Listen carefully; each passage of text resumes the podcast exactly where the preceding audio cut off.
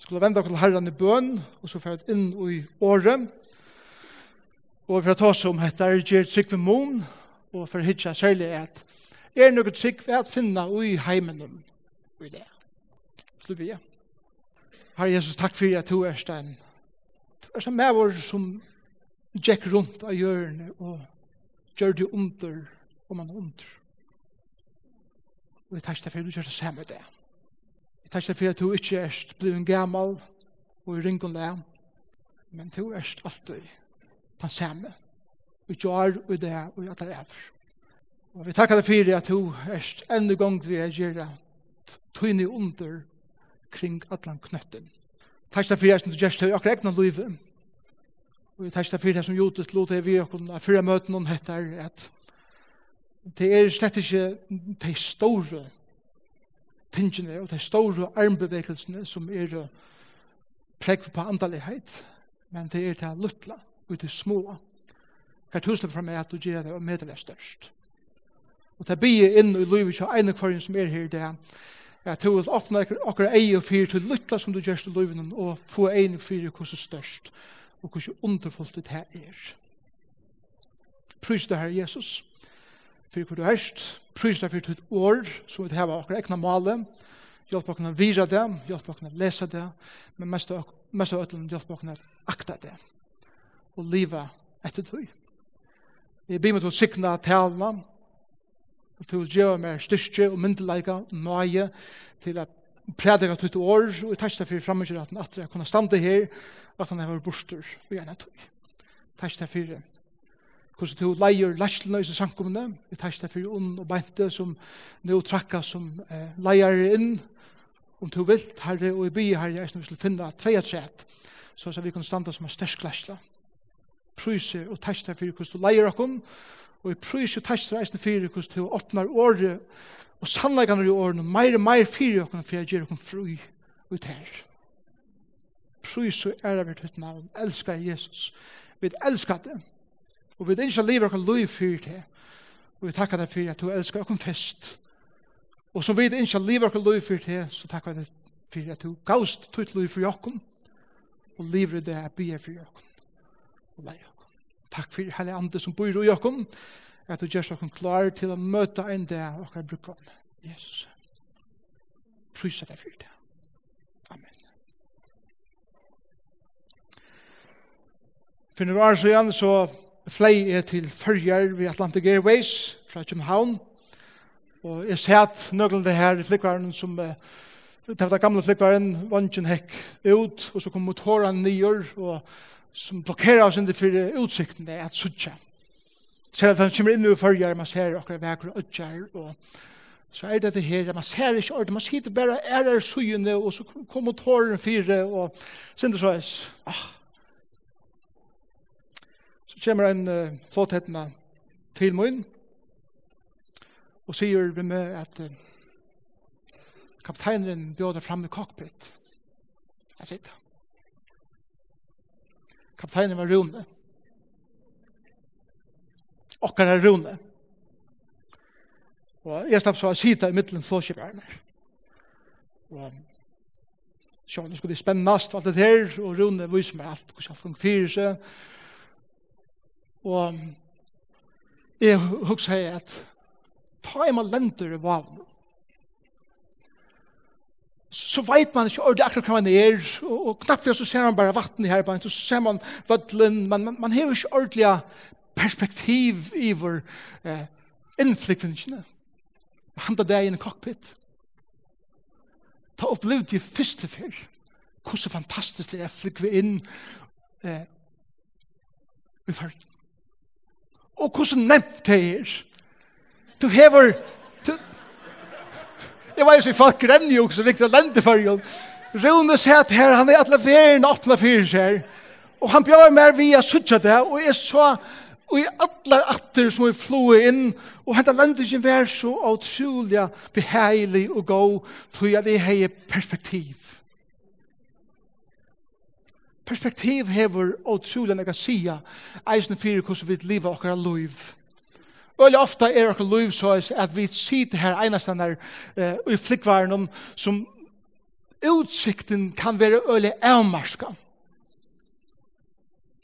Vi først så har vi bruk for å være bjøy fram i cockpit for jeg lykker være mynt av at ja, men det som du sørst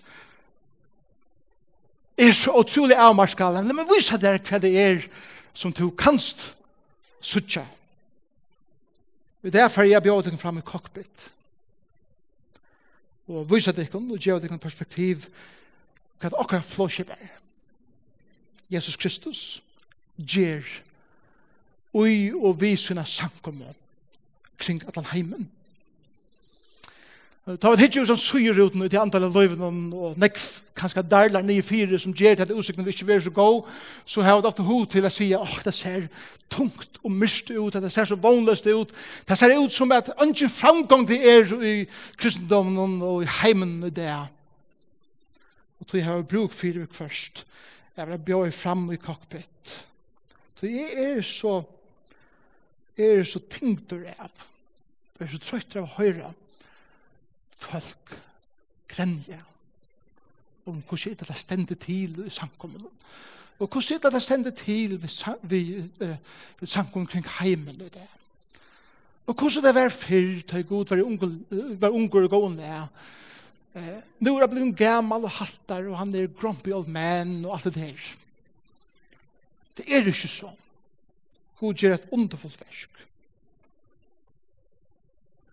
Det er de slå på Lukas 18. Det er bare lykka en frase her som, som kom til meg, som, som eh, jeg hugsa om dette her evne.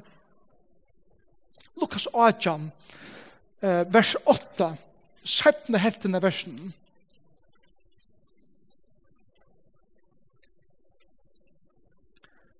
Det, det sier så leis, ta i menneskesånden kjemer, mann han tar for å finne trunna av hjørne.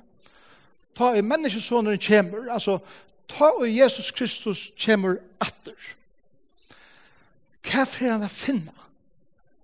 Får han å finne trygg i middelen til folk? Eller får han å finne et nyerslite folk som eh, kommer henga ved beinen og klarer akkurat inn i himmelen? For noen år siden så huksa jeg at Tog ikke heit det her trobult ut i disse verden, ta vi sutja tøyendene, ta vi lesa nudgjeitene, og alt det der som hender kring heimen der, som ser utrolig eh, mist og vanløst ut. Eh, er det verden såleis at sikten minkar bare meir og meir, og det som teksten sier, manna for å finne nega, og det ser øyla vanløst ut, men til fullkomna vent kjammer sørstjaren. Og for jeg sværer så spør han mann, menneskesånet, han kommer for å finne trygg av hjørnet. Her vi er ho og driver i det jeg sier, ja! Han fer å finne trygg av hjørnet. Nå, sammenheng er alltid tydninger med ikke ui bibelgranskan. Det har vi sagt nå i eh, ötlisjå årene og sier at heller i luften vi må alltid hitje til samanhengen, og ikke bare pilka noen vers på sjur. Legg om til å lese fra første verset, og bare lykke å gjøre noen kontekst til Arne ferdig inn i uh, det som er for jeg tar som er det, det som god gjør kring heimen. Første vers i kapittel 18, Jesus tar seg, han setter heimen fram lyknelse om til at hei skulle alltid bya og ikke trøttast. Alltid bya og ikke trøttast. Han sier, og i en boi var domare som ikkje øtta i skot, og ikkje fyrneist for nøkru menneska. Så hette han personer som er fullkomna lyga glad vi god, og eisne fullkomna lyga sæler vi mennesker. Og i samme boi var Antja, som kom til hans her og sier, hjelp meg fyrir jeg få rett i motparten munnen. Så sin domaren, henne kvinnan opplever okkur året vust, og hon fyrir til henne domaren by om hjelp.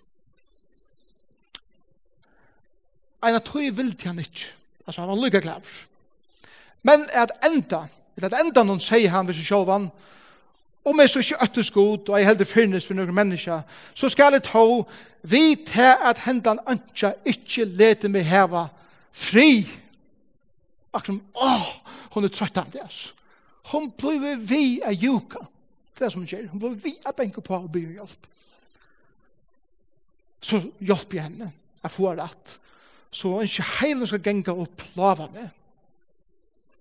Herren sier, høyre hva til en årettvise domaren sier, og så er det kjenta vers, skulde god ta ikkje hjelp utvalde synen er fordatt. Taimon råpa til hans er det og nått.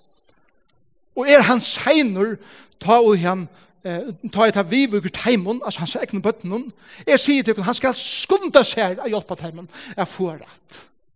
Er det vi?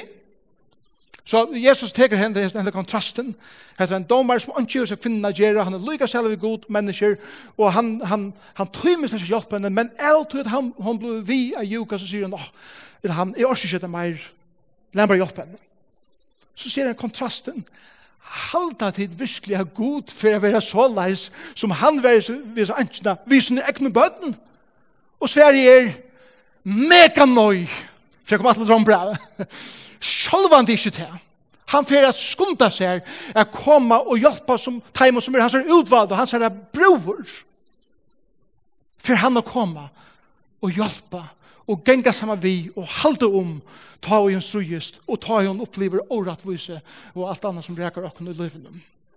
Ta er han her og han skunda seg å komme til okkara.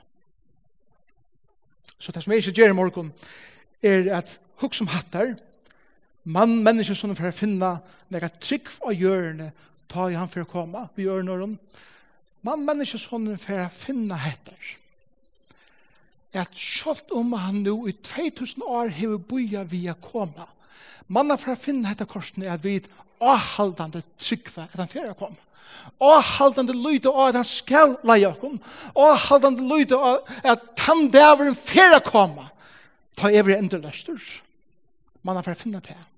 Og til avbjørgen som han gjever okkom i det. Gjer tryggven mon. Ja, hvis vi det er som antjan, Eta som broren som blir vi at lyta av. Ja, men bror kommer. skal komme. Og han följer sig med vem det Så sverre jeg. Då inser det at bjør dere fram i cockpit. og vi sa först av at vi er pastor av en nekv større heve enn akkurat lytte dunne hyler i fyrre. Så det kommer til dere herrenger. Så er det ikke eisen vise av at Europa er til kontinentet som det sender vest til til det kommer til Trønda, vi kjent i det. Men samtidig som Europa minkar og i kristendommen, så vekser det eisen, og så viser, det hvordan det ser ut. Så er det for å si, og sprer spørningen, hvordan stender det til så ikke åkken i førjen? Og spesifikt, hvordan stender det til så åkken i løvdene? Mm som er sankumma, som ønsker å være vikommande ui til samfunnet som vi til livet ui, og så gjerne for jeg enda vi en kattle og en lyttlare søve. Så er det klar? Vi fer fram i cockpit. Vi er fram til runda.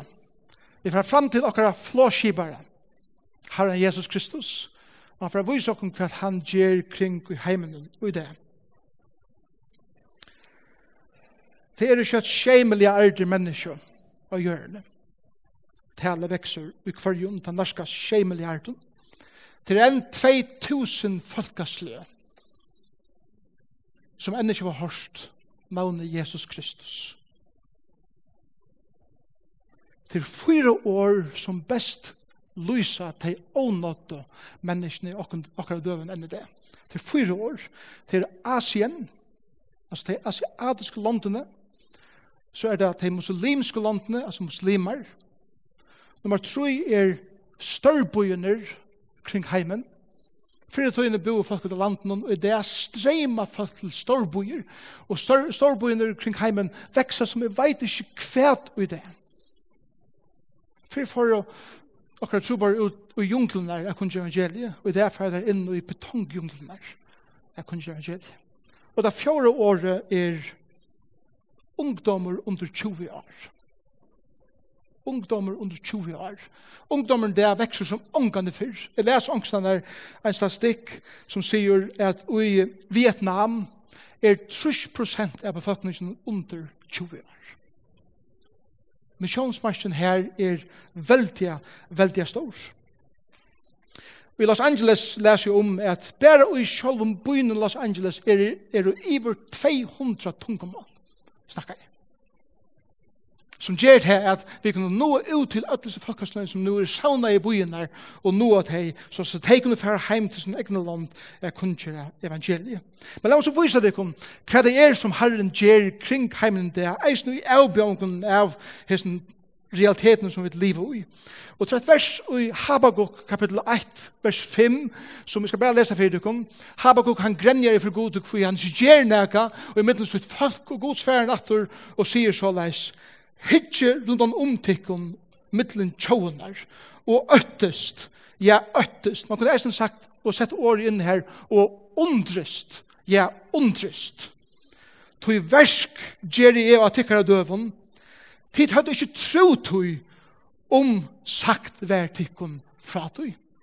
Så God sier at det er versk som vi gjør kring heimen i det, at det er så utrolig å høre at det er nesten ikke til å trykva.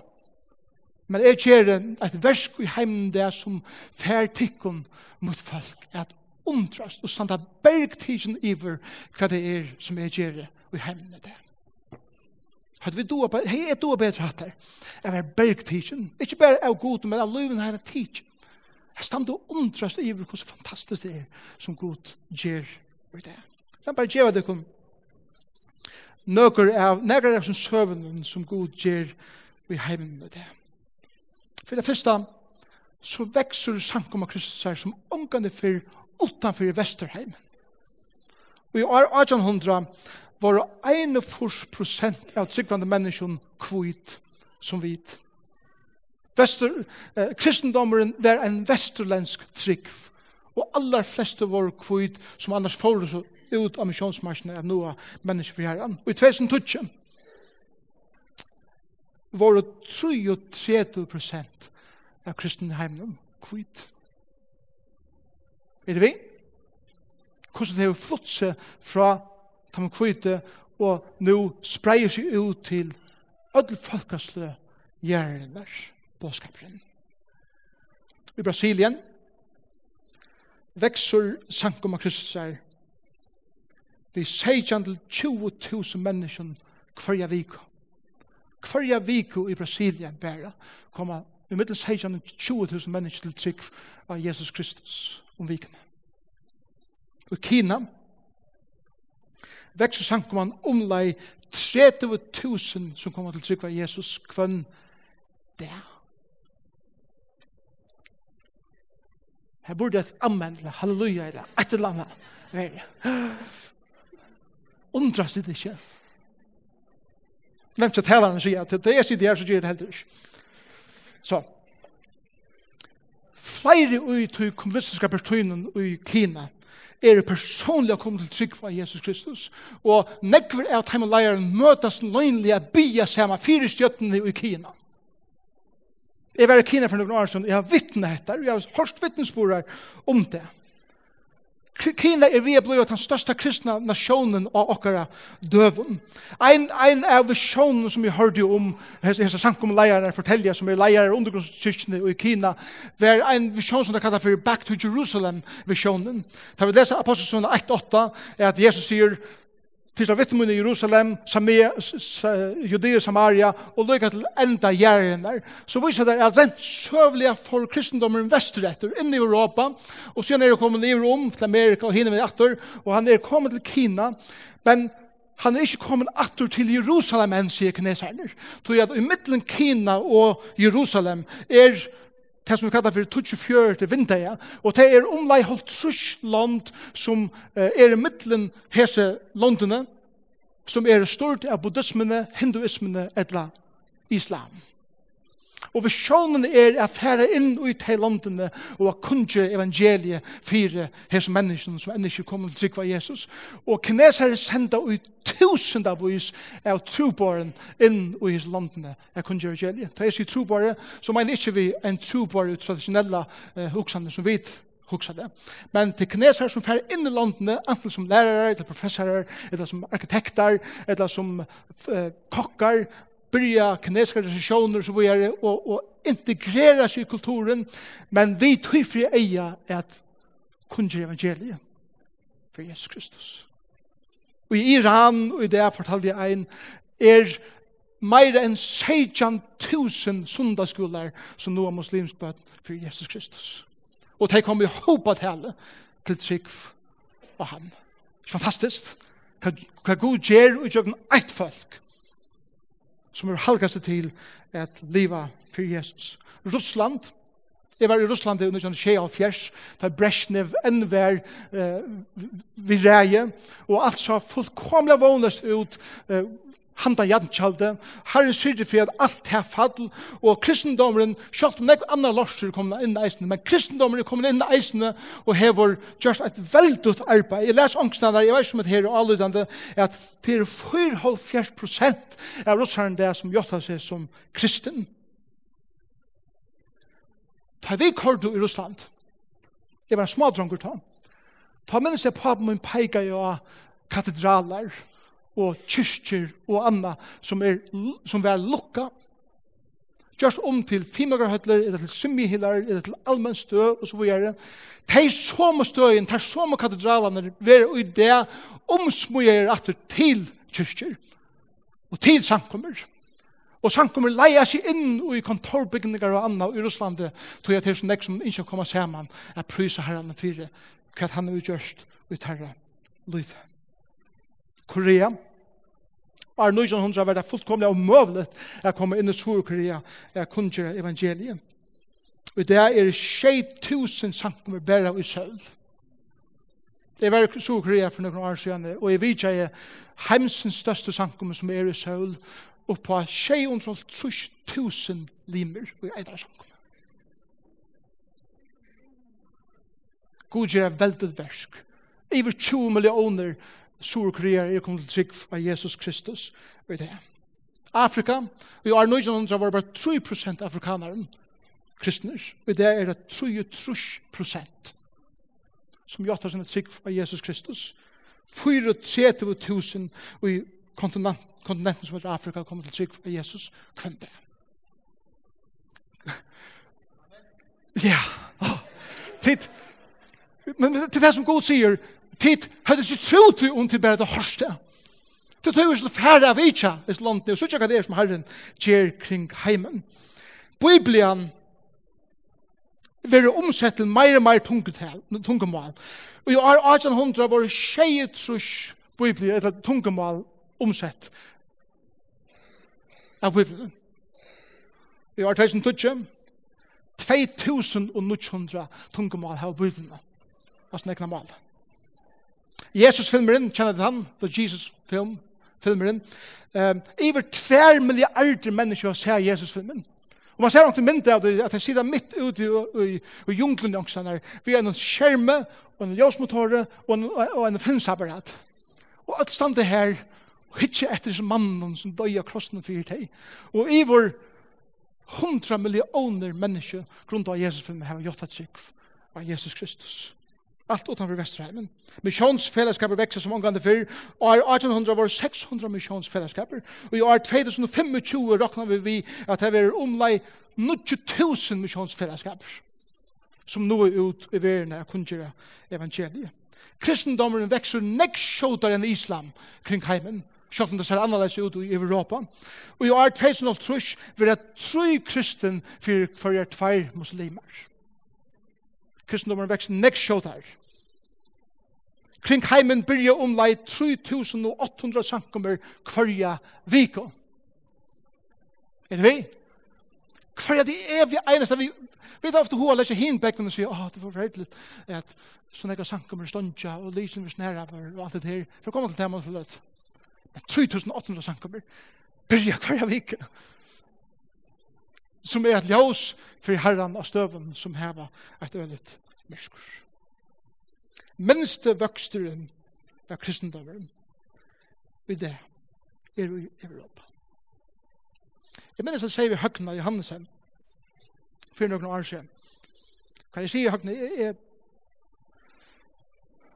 jeg må bare si at det er fantastisk at du klarer at gjøre det som du gjør i Pakistan og Og det var det åren til høgnet, han var fangsel og alt mulig, men så det. Og han sier, hva skal er, er, er nek mer imponerer at her. At du klarer hele deg i følelsen i førgen. så, men, men til det går ut i, for det er ikke at, ikke tid, Karsten. Tid er så utrolig fett. Men fakta er til at Europa i det er til myrskaste kontinentet da det kommer til akkurat trygg av Jesus Kristus. Bare for 100-200 år siden var det Europa som sendte mest tro på her ut i heimen. Og i det er Europa den mest tørvande her mars. Og det er tre landene som vi halde har bruk for hjelp har strategier om hvordan de kan evangelisere Europa. Vi det. Så det er vent og trolig nekv. Men la meg lukka se noen ting vi vidjande trunne i Europa, et la, rettere sagt, kristendomen i Europa. Og til dette, tryggven i Europa, i Vesterheimen, minkar, men samtidig vekser hun. La meg si det så leis, jeg pryser herrene fyrir at kristendomen i Europa minkar. Samtidig som jeg pryser fyrir, pryser fyrir at Kristus vekser. La meg ukrene det. Etablera vår religiøse, politiske maktkristendom i Europa døyr ut. Halleluja. Folk er deia trøyt av kristendom som kører på religiøsitet og politikk og makt. Da jeg var spurt til Rottalands om jeg er en kristen, så svarer jeg nei, jeg er ikke en kristen. Hva er det så? Er en etterfølger Kristus her. Å, hva er det måneden? Og så er horen pure vapen. Han forteller måneden. Det er det samme som at han etablerer i kyrkjan, maktkyrkjan i Europa. Døyr ut. Folk har prøvd hatt der. Hatt der rikka ish. Hatt det er vemmelig, vi vamlast vi handler kristendom. Samtidig så växer den evangeliska samkomman i Europa som ångande fyrr. Luttlar, pickluttlar samkommer, picklutlar hus samkommer, spretta upp i byen omkring i Europa, hver, hver ung kommer samman, og som sier heter, det kan godt være kristendommer ikke viskar som vi kjenner kristendommen, men det er et tomrum i livet til åkken, kjøtt for det var alt det materiella som vi kunne få fædre og så er det et. Hva er det som manglar? Og det er for en og fyra til Jesus Kristus og heilig andan styrke som manglar ut her i livet. Jeg har nok snakk kontakt vi artister og tonleikere og fylgjer nok snakk vel vi tog og, og det som Herren gjør i middelen tonleikere og artister, og det slæger menneskene i Europa, det er fantastisk.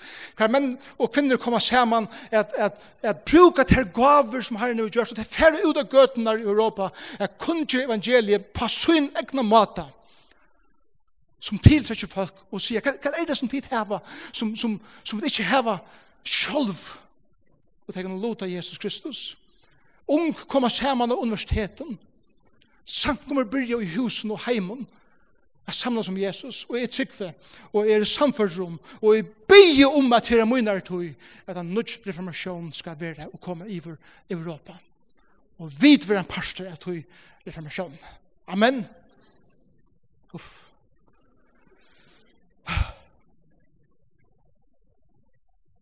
Hva er det som gjør at nærkere samkommer dødgjør ut? Og hva er det som gjør at samkommer veksa. Hva er det som gjør at samkommer følna? Og hva er det som gjør at samkommer blomma? La meg bare loda vidt ikon nøkker oss tenkt. Det er samkommer som følna. Er tog at båskaperen han møyla brøytes ikke og han skal ikke brøytast men metoden har brøytast heller ikke kyrkjer og samkommer, gjør bare akkurat det samme som rikker jeg vel i altrusjonen og fjørten og i alfjersen og så videre. Og følger ikke vi mentene som hun utvikles, og, og, og blir ikke relevant vi er noen livende båtskap og i samtøyene som vi lever i. Og det gjør til at de unge blir borster, og samkommer dør vi til de gamle som fer heim. Og så la snæra nekkel likler, og i vil råpe det. passionen for Jesus og evangelien følger. Liberalisma kommer inn, og det er fullt av sankommun og kyrkjun og katedralun som, som samla folk i det, og de leser bare et eller annet eh, ischingar og ta som noen få ting, og passionen for Jesus i evangelien er ikke til stier, og tar samt og tommer homer til at det liberale er kommet inn, og passionen er vekk. Et annet er er konflikt og klander iver personlige preferanser. Folk er så fokuseret i at hun som gonger fyrir seg innanfyrir samkomvetsene at jeg vil ha hatt der, nei, vi vil ha hitt, nei, vi vil ha på handamaten, nei, vi skulle ha på okkara mat, og så videre. Det er klantre innan hun som skjer, det er at folk som stann utanfor hitt inn og sier jeg har noen ekkert av løyven og arven, hatt at hun slett ikke får anbredt seg. Og så er det stødja til her samkomvetsene ut eisen. Et annet er at det er prioritering av kom først. Lissmann har finnet sånne handatøkker av oss. Jeg vet, vil jeg sette ikke offre oss. Vi vil ikke betale prisen for hva det betyr at vi er vittne for Jesus. Og tog sånn det. så deilig komfortabelt. Og omgå avskan. Et annet er synd og i løven og kjøp på bæren. Båskaperen er tuttninga mykje at han er sannur og at han grunda av vår gods.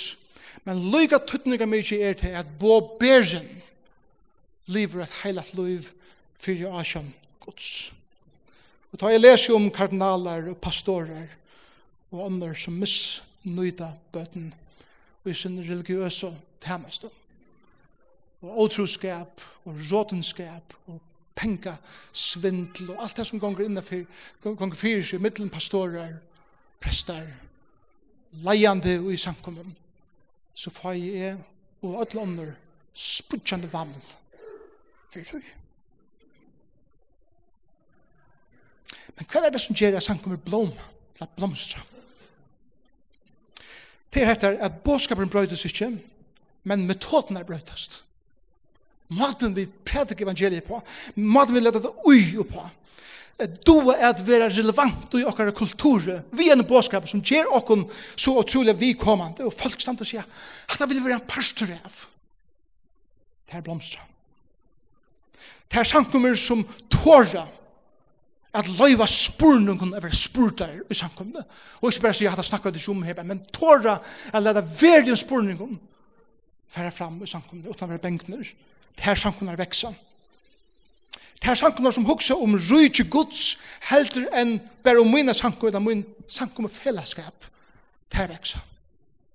Ja, men jeg kan ikke løvden, jeg kom ikke nærkere stander, til deg at over. Jeg hører til brøderne, eller jeg hører til pinsene, eller jeg hører til kyrkene, til deg at over. Ta vi fokuserer på noe som er nekst større enn alt det, og vi synes ikke at vi er en pastor, rujtje gods, vi heimne det. så slipper Herren frem etter bygget sine samkomne.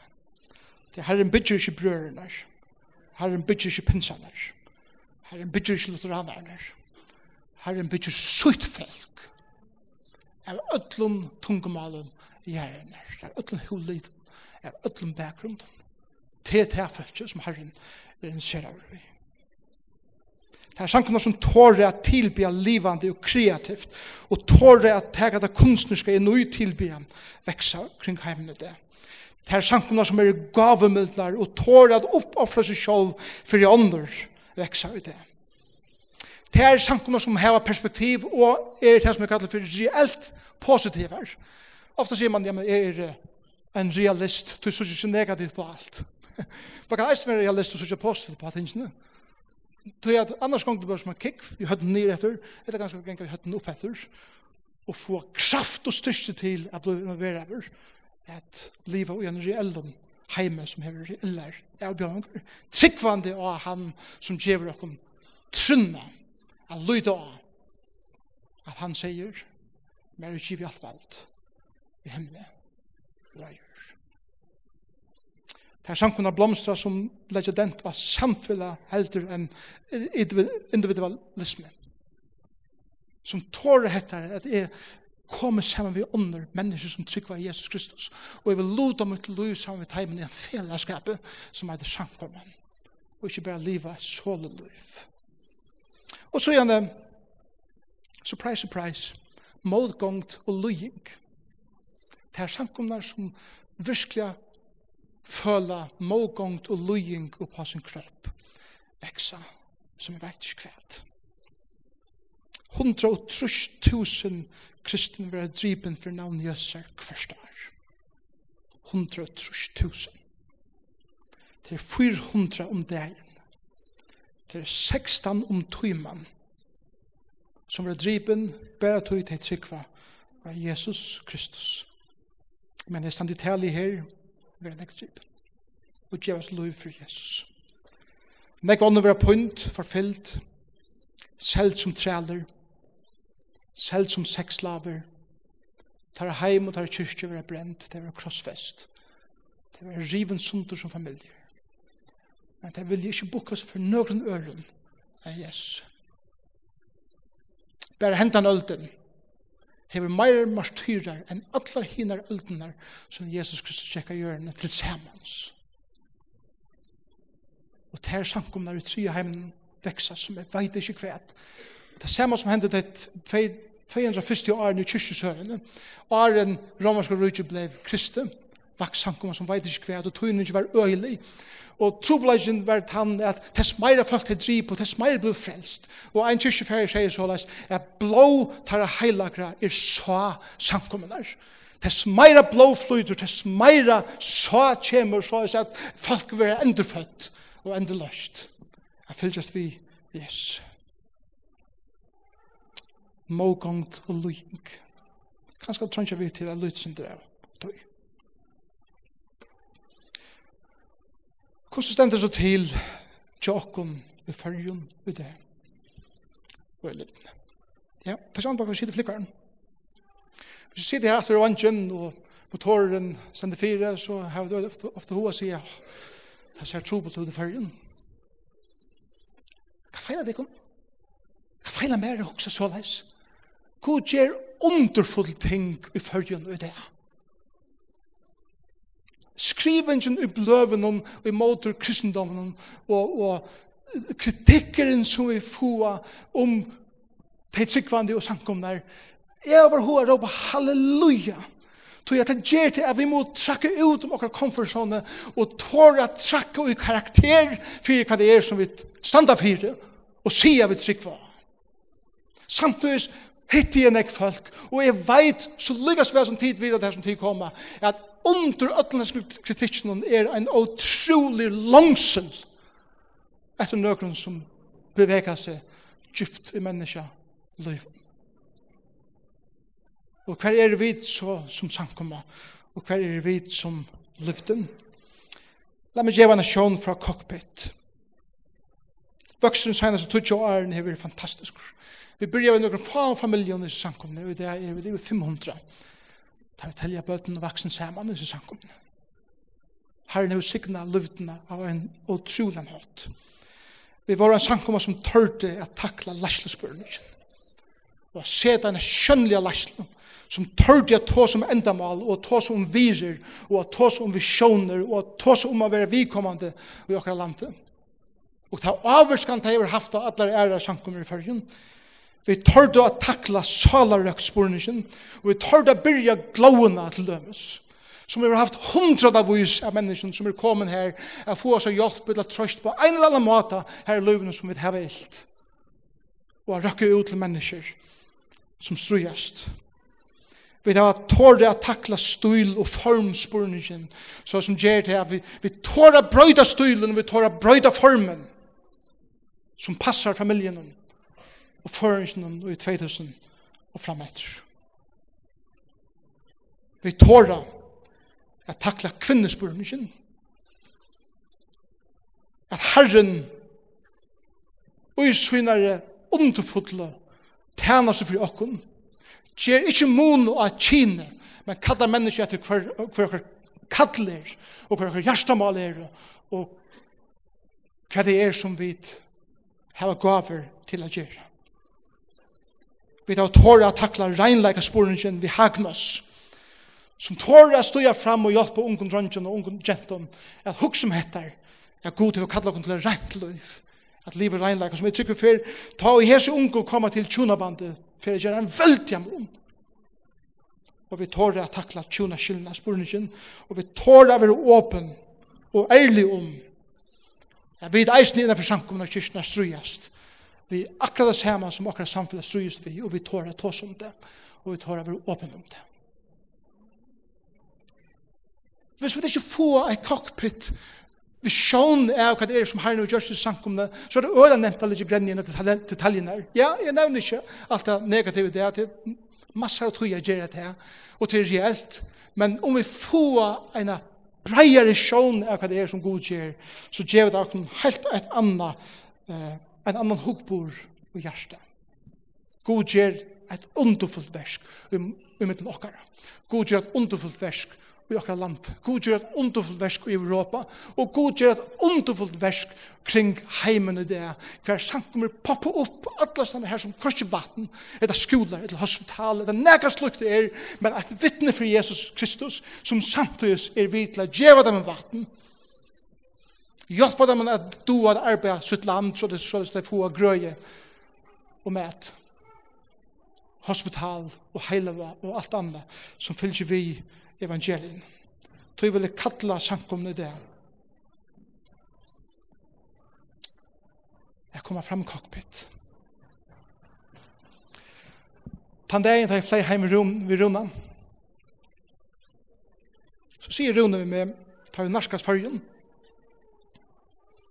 jeg Jekvan, um, tror jeg skal velja der et sted i fargen som vi skulle flikva og piver Det, det var en durtar der, hvor solen bæka ned, det var ikke skutt, fargen lov pura opp åpner opp etter. Og han sier, det er så vekkurst, fargen er så fantastisk av fra hva vil du sutja? Og jeg sier, kvalpa. jeg vil sutja kvalpa bygd. Her som jeg har slitt med en badnarskekvar. Og Rune sier, fint. Så dreier han flikker noen, og for å om han iver kvalt ble bygd. Og jeg sier til fyrir at jeg vil ha så nær tankene som mulig til det her til området som er oppvaksen. Og fikk her mine underfulle sjån av baven egenen og kvalbja bygd og mysene og sanden og tankene og okkar hus og alt det her. Og så flog vi og landet var. Vi har brukt fire at høyra søver om hva det er som Herren gjør i okkar landet og i okkar heime og i det. Og så vil jeg enda vi en søve. For jeg viser deg om en spesifikk hending som er heldig fantastisk hva det er som Herren gjør i heimene det og hva det betyr at fylle jo etter. Jeg får lese henne fyrir deg om Christy Wilson Jr., som tante herren i Afghanistan i mange år, sier såleis fra hvordan han ser trygg, vær stafest i en avviser hending. Nå leser jeg. Et afghansk åretag sier, ta i satan fall nir av himmelen, lende han i Kabul. Det er verileisende ønskapet og rævleika er sørre sterskere her. Vi byrja av en samkom i heim okkar i Kabul, men kjøtt var hus okkar og lyte. Tog så nek embedesfolk og andre handelsfolk fra Vesterheimlen som starvas i Kabul kom i samkommene. Og i 1990 hørtes det at tavirande amerikanske presidenteren Dwight Eisenhower for å komme av allmenna vidjan i Afghanistan. Det er ikke alt som vet at Eisenhower var en tryggvande maver og at han leser døypa at han var kommet i hasat i kvite husen. Han har en brennande mamme som gav honom navnet Dwight etter store evangelisten Dwight L. Moody. Eisenhower Jack i National Presbyterian Church i Washington her Dr. Edward Elson var pastorer til honom. Dr. Elson, altså pastoren, og er kjentest sera vel. Og da jeg hørte at Eisenhower for å komme til allmenn avvidjan i Afghanistan, skriva jeg et brev til Dr. Elson og be han om å gjeva presidenten en brev. I breven og mynte presidenten nå er at en moské var bygd i Washington for muslimske diplomater er samlast i og at presidenten selv tala i til åpnene av moskeen. Jeg skriver i såles Eisenhower, Nu tar jeg moské er bygd i Washington for muslimske diplomater er tilby i. Åtte vi så ikke kunne eisen er bygd en kyrkje her i Kabul for kristne diplomater og komme sammen og tilby herren. Vi det var ikke sted her som vi kunne komme sammen. Kanst du ta det kommer til Afghanistan heita av kongen om å løyva at en kyrkje for bygd i Afghanistan. Eisen har gjort det, og tar han vidtja i Kabul, leie han hetta framfor kongen, og at enda løvde afghanska stjøtnen at en kyrkja kunne være bygd i Kabul for kristen at tilby i. Vi tar det ongan arkitekt, unga pengar er bytja bygning 24, men hetta er utvei god og en underfotan hatt til jokken brøver og sysra kring allan heimen. Nå mangde er bare 20.000 dollar i Så vidja en amerikansk kvinna Kabul og ringte til min og vil hitta meg at hon er sett hekningarna og har søvn om kyrkina, spurte hon hvordan jeg pengar vi, pengar vi mangla. Jeg sier 20.000 dollar. Hon svarer så leis, mer om min døy for noen år siden. Familien har finnet det som hon skal få, og nå føres seg kring heimen at djeva resten av pengene til å investere i rujtjegods. Jeg ønsker ikke at landet skal være sted av pengene. Ta er deg. Og heldur ikke at la den nekker etter familien er klantrast om. Så gjør så vel, her er 20.000 dollar. dollar Og i 1904 var fyrsta kyrkjan nekrandu bygd av afghanska jør. Og hattna steinen stod skriva såleis ingravera og i vekra afghanska alabastersteinen. Gode til er, Han som elskar okkon og vi blåa sunne setter okkon fri fra synden okkara. Hesen bygningur, bygningur er et bønarhus fyrir öll folkaslu, Bygdur under rei hans har hating Sair Saha, 16. mai 1904, og Jesus Kristus sjolver hotnarsteiner i hese verst. Men som vera mann, så tjekk ikke landet for en vygongter muslimer gjør oppreister, i måter at kyrkja kunne være i Kabul, og krauta bygningeren skulle rivas nyer. Stjøttene var samt, og breit sunne lyfte. Kristen og stjøttene kring Atlan Vesterheimen, Haita og Afghanistan, om at bygningeren bygningren vera i fri, men ikke batte. Ta i hermen, bulldosarar og lastbilar kordu inn av øtje i kyrkjan stå, kom en kristen tuskur handelsmæver i Kabul og seie såles for stjøttene. Om afghanska stjøttene rører husgods i Kabul, så for god a fettla stjøttene. Afghanska stjøttene skriver i et brev til kyrkjene om a leta stjøttene bygningen, så tar kunne få løyve av brådana nyer. Men til kristne sverar og såles, ja, ta kunne vi det ikke, til vi det eier ikke bygningen, Bygningen er halgaver gode, og om kjøtten øye bygningen, så stender du beinleis og aper for gode sjølvån. Bulldozerne og alt utstyr for i gang til å rive bygningen nyer. Og i medan har gjort det til Jinko til kristne og kyrkene rundt i middelen arbeidsmennene og bjør til en hett til og nøybegge smakhøkker. Ikke sørst av forvirring var i middelen arbeidsmennene Og det ble ikke friert at jeg hørte at en løgnlig undergrunnskyrkja var i Kabul. At jeg ikke visste hva undergrunnskyrkja betydde, greia at det er seks meter langer nyer av grunnen for å vite om en undergrunnsbygning var her. Alt dette hendte den 16. juli 1943. 16. juli 1943. Som natt var afghanska stjøttene for stjøttene kvette, og monarkien som jeg sier vi styrer i 220 år var avskåren og opplast etter einar nått. Som nått ble Afghanistan en republikk under, presten, under presidenten Daud Så igjen i 1948 falt fall stjøtten atter til en kommunistiska stjøtten og av jolen i 1948 ruttla av russisk tanks inn i Afghanistan og kruksette landet i mong, mong år. Tusen av vise flytta folk om flytta ur Afghanistan og mong tarra bor og hentan vittnesbor er at lyga seg en stjøttenen i Afghanistan øtte bøner hos gods i Kabul hever Afghanistan veri under dome gods. Så la meg spyrja, er det noe trygg av hjørnet i det? Gjer tryggven mun?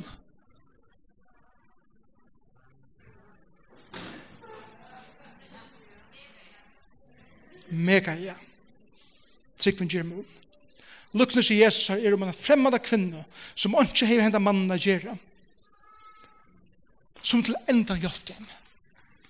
Skulde brudgommeren ikke være klarer er steg fyrir brorsøyne og kom i hendel hjelpar og stole henne og styrst henne og veri om henne ta i hånd byr til sin brukkom Sverige er sjølvande gjerende Trorst to og tykva er virkelig at hui at heile anden som i 2000 år har vi gjort bror Kristus her til reier, for å komme vi en bror framfor brukkommen som kommer krupande etter gulven inn fullkomna maktarleis jeg standa for framfor som brukkommen nei, det tykker vi ikke jeg tykker at det som Herren gjør kring heimen i det stedfester ene for en Sjalt om vi kan være motleis, at God gjør et ondofullt versk og hans her folk åkallar han, og flere og flere folk kommer til tryggva Jesus som åkallar han, og tryggva at det som vi standa fyrir, og den båskapen som vi bo om Jesus Kristus, Gjer mun i min løyve, og i min lande, og i min familie, og i min sankumme, og i min heime som jeg lever i. Og tog jeg meg kall til sankumme, og til løyvdene, og til åkken øtl personlige. Jeg trykva. Jeg godgjør jeg veldig arbeid og at vi setter dem fire regelig at fære fram i cockpit at få et perspektiv i det her som Herren gjør kring heimene det. Så vi det ikke missa måte ta i akkurat utsikt. Ikke er. At det beste så be sammen. Takk Herre Jesus for at du gjør et underfullt versk kring heimene det. Og da takkar jeg deg for. Det er for at du viser okna trygg von Gjermon. Vi pjører oss ikke missa mot. Men tar vi missa mot det, og tar gjer vi det. Det er gjeldt. Så er du her. Elskar jeg brukar med okkar. Jeg byr for ene for en som er her det som hever imens i løvnen. Jeg tror vel til hjelp bakom bare at vi er omkring annan og bare hver annars spyrer. Og minnast, jeg vet det er en parst av nekst større heldarmynd enn det som vi sitter her prøys og ære ditt navn. Amen.